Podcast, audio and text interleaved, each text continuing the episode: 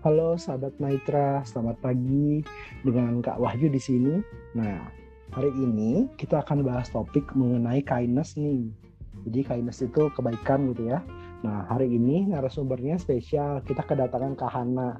Nah, Kak Hana ini uh, adalah salah satu uh, mahasiswi magister psikologi profesi nih dari salah satu universitas swasta di Jakarta.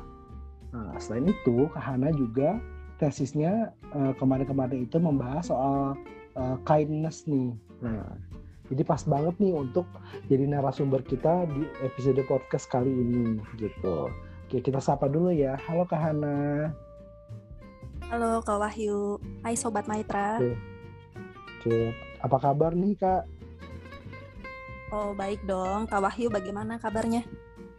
Uh, ya baik. Walaupun tadi pagi sempat apa muntah-muntah. Karena oh. mungkin nggak cocok apa nggak cocok sama makanan biasa. Hmm, turut prihatin kak Wahyu. Iya sudah sehat tapi sekarang kok. ya oh, okay, udah udah. Oke. Okay. Oke, hari ini kita akan bahas mengenai kindness nih. Oke, mungkin kita bahas dari yang basic dulu ya, Tahana. Jadi uh, apa sih uh, hubungannya antara kindness dengan mental health nih? Baik, baik Kak Wahyu. Jadi mungkin kita dari mental health-nya dulu ya Kak. Kalau kita bahas kesehatan mental, pasti kayak langsung terasosiasi dengan stres. Kesehatan mental itu berkaitan dengan stres. Jadi stres itu apa Oke, sih? Baik. Ya, stres ya, itu adalah baik. kondisi yang dialami semua orang nih di seluruh dunia karena adanya tantangan, karena adanya perubahan, dan stres ini ya kalau nggak diatasin dengan baik bisa berkembang menjadi stres kronis dan apabila masih nggak teratasi dengan baik juga bisa berkembang ke gangguan psikologis nih kak kayak depresi, kecemasan. Jadi penting banget untuk mencari cara gimana sih uh, biar stresnya bisa teratasin dan dengan demikian kesehatan mental kita jadi lebih baik. Nah ngomong-ngomong tentang kesehatan mental, kesehatan mental ini salah satu aspek kak dari kualitas hidup seseorang di mana uh, kualitas hidup tuh melingkupi kesehatan mental atau kondisi finansial, kondisi kesehatan. Jadi kesehatan mental itu salah satu hal yang penting banget untuk diperhatikan. Dan sesok, nah mungkin kita dari awal dulu kesehatan mental yang baik dapat dikatakan seseorang itu sejahtera. Apa sih sejahtera itu? Sejahtera itu uh, seseorang yang sejahtera atau dengan kata lain sehat mental itu memiliki perasaan positif yang tinggi, perasaan positif tuh kayak misalnya nyaman, senang, bahagia, puas. Perasaan negatif yang rendah, perasaan negatif itu contohnya seperti sedih atau takut. Dan secara umum juga mampu mengevaluasi kehidupannya dengan baik. Uh, dia melihat kehidupan itu sebagai sesuatu yang memuaskan. Nah, jadi kesehatan mental itu penting. Terus apa kaitannya dengan dengan kebaikan gitu, dengan bagaimana kita berhubungan dengan orang lain? Ternyata Kak Wahyu dari penelitian-penelitian sebelumnya terbukti seseorang yang sehat mental itu lebih mampu untuk menjalin hubungan yang baik dengan orang lain, mungkin dalam hubungan pertemanan, dalam hubungan dengan keluarga, atau hubungan bertetangga misalnya. Dan sudah terbukti juga tuh dari uh, dari individu pada berbagai karakteristika. Jadi kayak anak-anak nih dari perkotaan maupun lingkungan peternakan semuanya tuh sama. Apabila seseorang sehat secara mental atau dengan kata lain sejahtera, ia akan lebih mampu untuk uh, memiliki hubungan pertemanan atau hubungan dengan orang lain yang baik. Kalau secara logikanya gini kak, uh, misalkan kita udah senang, kita akan lebih mudah untuk tersenyum, untuk menyapa atau menanyakan kabar orang lain. Kalau seseorang itu sehat secara mental, dia merasa dipahami, merasa dimengerti, akan lebih mudah juga bagi dia untuk membuat orang lain merasa dipahami dan dimengerti. Jadi kira-kira gitu ke Wahyu. Oh iya, sangat okay. berkaitan banget sih. Iya bener banget sih Kak Hana. Jadi kalau misalnya kita lagi sedih gitu ya, mungkin lagi mental kita lagi nggak baik-baik aja gitu. Jadi kadang-kadang kita juga kalau mau nyapa orang juga kayaknya agak agak kurang mood gitu ya Kak Hana ya. Mungkin ekspresinya jadi serem gitu ya, jadi kayak mengernyit. Iya. Orang jadi jadi dapat membaca bah, uh, ekspresi kita. Jadi moodnya nggak ketuk nggak oh. ikut jadi baik Kak Wahyu. Kira-kira gitu. Oh, oke. Okay. Oke kalau menurut Kak Hana nih, ke, uh, kenapa sih kita itu uh, harus berbaik, uh, berbuat baik gitu pada orang lain gitu? Hmm, jadi apa yang membuat kita perlu berbuat baik ke orang lain ya? Karena uh, berbuat baik itu sebenarnya gratis kok Kak Wahyu. Memang mungkin ada uh, bantuan yang perlu biaya seperti donasi, tapi ada juga hal-hal baik yang bisa dilakukan secara gratis. Misalkan sekedar menyapa deh, halo kamu apa kabarnya? Atau apa yang sedang kamu rasakan saat ini? Atau misalkan kita tahu teman kita ada masalah, kita temenin, kita tanyain. Berbuat baik itu uh, sangat berpengaruh ekstrim ke orang lain kak apalagi dalam situasi-situasi ekstrim misalkan kalau di penelitian tuh di IGD misalnya di rumah sakit kondisi kesehatan dokter gitu kebaikan itu ngaruh hmm. banget kak ke bagaimana pasien mungkin bisa recover atau bisa cepat pulih. Berbuat baik itu juga selain ke orang lain ya juga menguntungkan diri kita sendiri sebenarnya kak. Mungkin dengan kita berbuat baik kita bisa ketemu tujuan hidup kita ini apa apa mungkin untuk membantu orang lain di bidang apa. Dan ternyata menular loh kak. Kita berbuat baik ke orang lain orang lain merasa oh ternyata enak ya diperhatikan dan mungkin orang itu akan meneruskan ke orang lain. Jadi seperti cycle of kindness sebuah rantai yang tidak pernah berhenti. Dan ya jadi uh, kalau berbuat baik itu nggak usah pikir yang heboh-heboh kayak donasi 100 miliar gitu. Enggak kok enggak harus seperti itu. Bahkan kalau teman cerita nih terus kita mendengarkan dengan menerima tidak menghakimi itu pun suatu kebaikan. Kira-kira gitu kak. Apa yang perlu membuat kita berbuat baik? Karena membahagiakan orang lain dan sebenarnya juga berguna untuk diri kita sendiri oke oke lengkap banget nih kak Hana penjelasannya. Jadi uh, pas Kak Hana ngomongin soal apa namanya yang tadi itu, aku jadi keinget sama eh, video-video di TikTok gitu ya. Jadi orang ini itu uh, apa ngasih ngasih bunga ke strangers gitu ke orang yang nggak dia kenal gitu. Cuman dia bilang ya ini cuman buat uh, apa make your day aja gitu loh. Cuman pengen bikin hari kamu baik aja gitu kayak gitu gitu ini juga termasuk kindness kan ya kak Hana ya Iya, kalau ditanya apakah hmm. masuk ke kindness atau tidak, tentu saja iya. Karena berbuat baik itu melakukan sesuatu yang membuat orang lain senang. Nah, tapi sebenarnya Kak Wahyu ada satu konsep psikologis lain nih yang sebenarnya berkaitan erat hmm. dengan konsep kebaikan, yaitu altruisme. Apakah dia masuk okay. ke kindness atau tidak? Masuk. Tapi apakah masuk ke altruisme atau tidak? Kita tidak tahu. Kira-kira intensi orang ini apa? Apakah memang untuk menyebarkan kebaikan atau untuk uh, mempopulerkan dirinya sendiri misalnya? Jadi perlu hmm. dibedakan hmm. dari intensinya. Kira-kira gitu, okay. Kak. Jadi kalau misalnya altruisme itu lebih ke lebih ke niatnya ya gitu ya. Ya saya tuh tulus ingin berbuat baik gitu ya. Hmm, hmm, hmm bener. Altruisme lebih ke kecenderungannya. Kecenderungan yang yeah. ya orang lain sebenarnya nggak tahu, hanya diri dia sendiri yang tahu. Oke. Okay.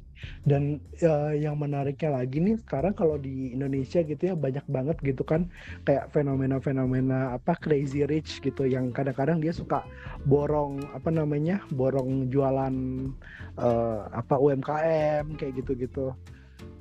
Uh, terus dijadikan video gitu itu sebenarnya gimana tuh Kahana kalau menurut pendapat Kahana? Oke, kalau menurut saya dari perbuatannya memang termasuk kebaikan ya kak. Dia membantu pedagang itu misalnya. Mungkin dia bantu mempromosikan juga. Nah tapi balik lagi orang tersebut terdapat merefleksikan dirinya. Saya melakukan ini untuk apa ya? Apakah saya ingin memberikan awareness tentang berbuat baik atau saya pengen dapat views? Jadi kalau menurut saya kita eh, kita nggak ada tempat untuk menghakimi sih kak. Hanya orang tersebut yang tahu.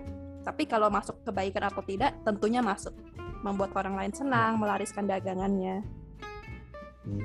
Sudah termasuk kindness tapi belum ter uh, belum tentu termasuk altruisme gitu ya kali ya Kahana ya. Iya, betul Kak. Hmm. Dan kita tidak okay. di posisi untuk menilai gitu Kak.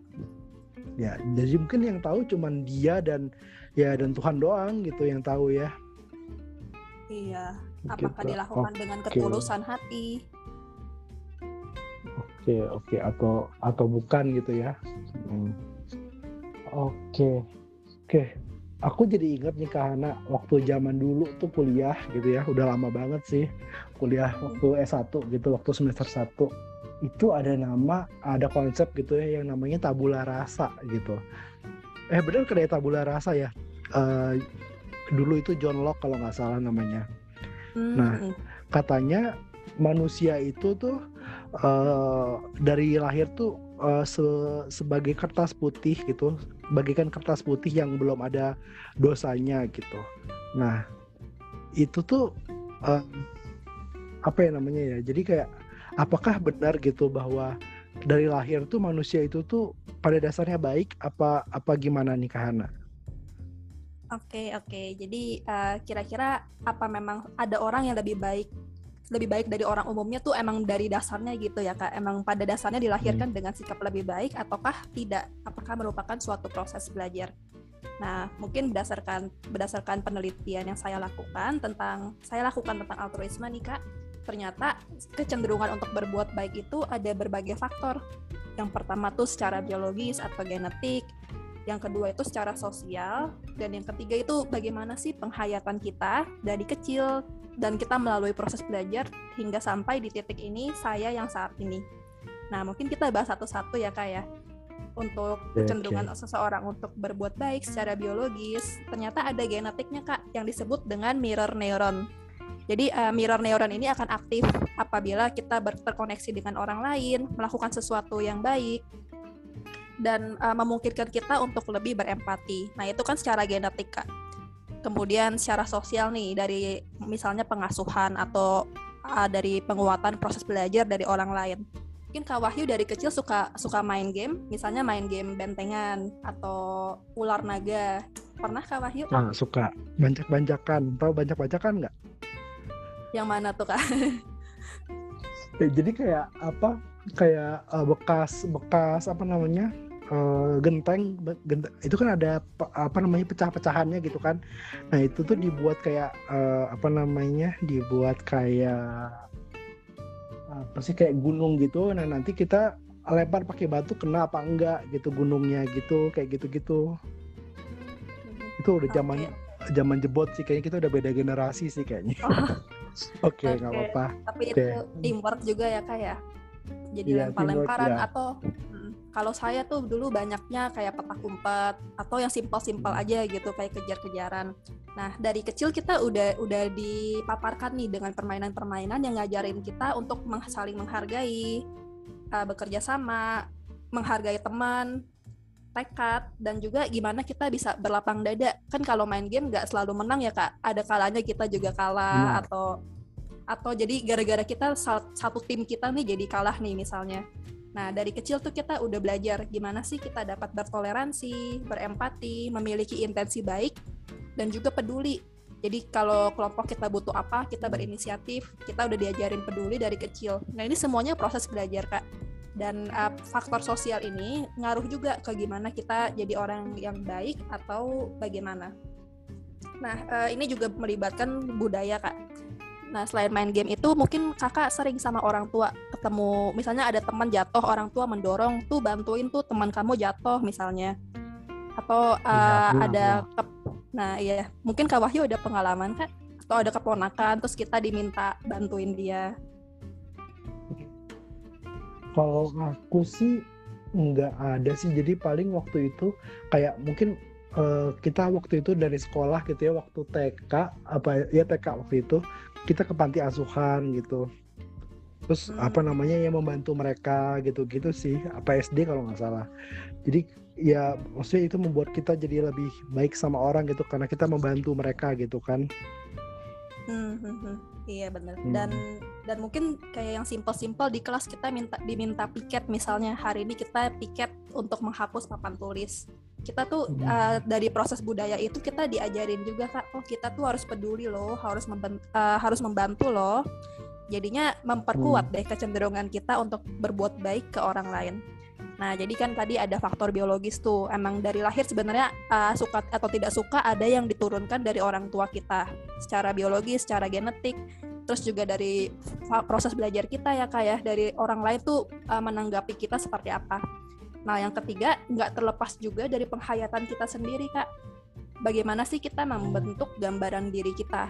Kita melihat diri kita sebagai orang yang peduli atau gimana? Terus kepercayaan diri kita seperti apa? Bagaimana kita merasa bertanggung jawab terhadap kehidupan yang kita jalani atau kehidupan orang lain?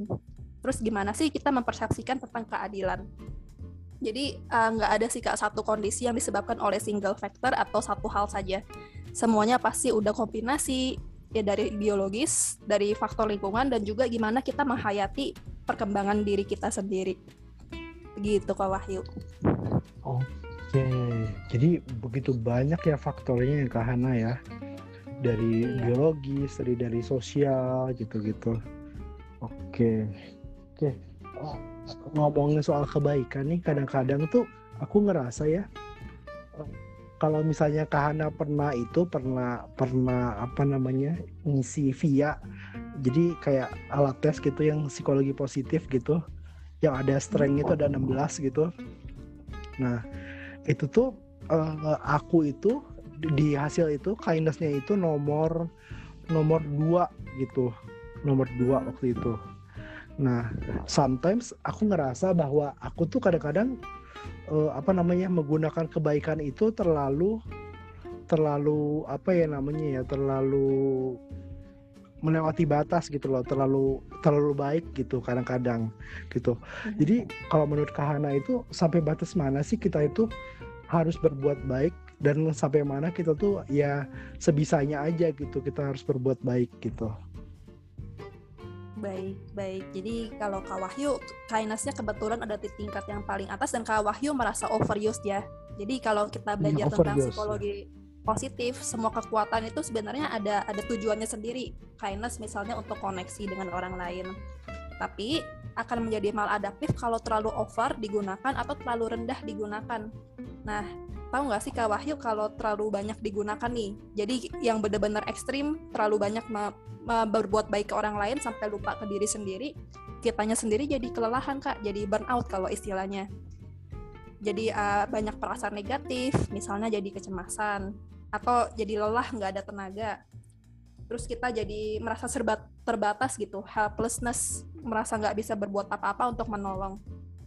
Nah, oleh karena itu Kak Wahyu um, sosok ya memang kita perlu berbuat baik Kak Wahyu, tapi perlu diperhatikan apakah dia overuse atau underuse karena sesuatu yang overuse atau underuse jadinya nggak sesuai dengan tujuan awalnya. Kan kalau kindness itu misalnya untuk berkoneksi dengan orang lain ya. Kalau overuse mungkin malah bukan jadi berkoneksi, tapi jadi terlalu terlalu intrusif misalnya. Kira-kira gitu Kak Wahyu. Jadi uh, sampai batas mana?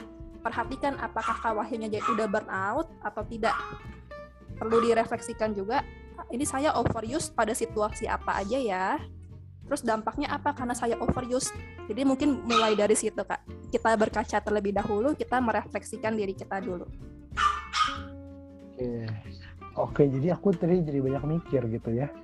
Kapan ya aku overuse nah ini juga aku jadi inget nih sama apa namanya pengalaman aku waktu ya mungkin waktu masih S1 dulu gitu ya masih mahasiswa dulu.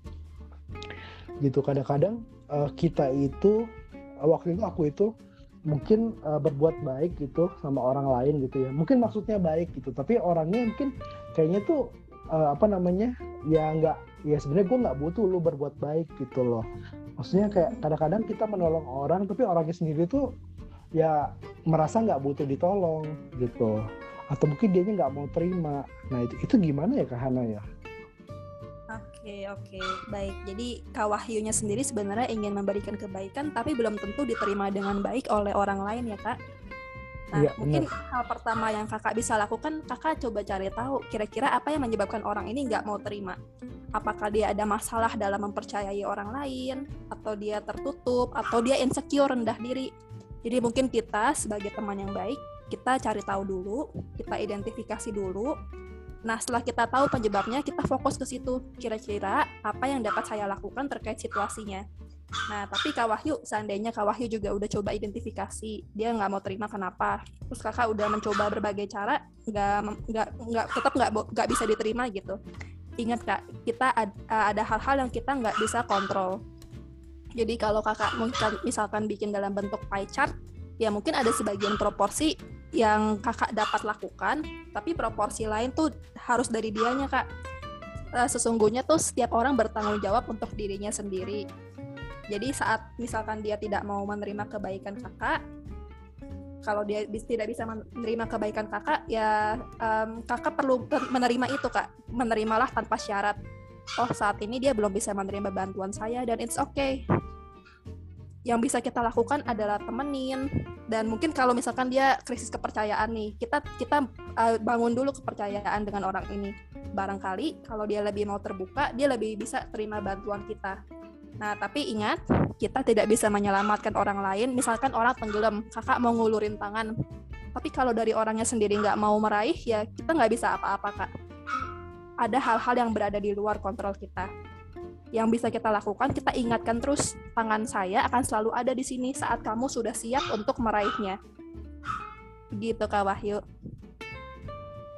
Oke, uh, Kak Hana makasih banget nih atas uh, waktunya gitu ya. Hari ini aku belajar banyak banget nih mengenai kindness. Jadi memang kalau bisa aku simpulkan uh, apa namanya kita itu harus uh, apa namanya berbuat baik pada diri sendiri dulu baru kita akan lebih baik dalam membantu orang lain gitu ya Kak Hana ya.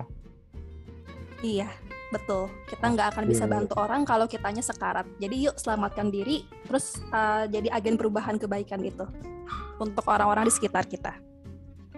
Oke, makasih banget nih Kak Hana atas waktunya dan sahabat Maitra yang menyimak podcast ini. Semoga dapat manfaat dan insight dari uh, apa yang sahabat dengarkan hari ini gitu. Oke, terima kasih Kak Hana. Sampai jumpa. Terima kasih Kak Wahyu. Terima kasih sahabat Maitra. Have a nice day.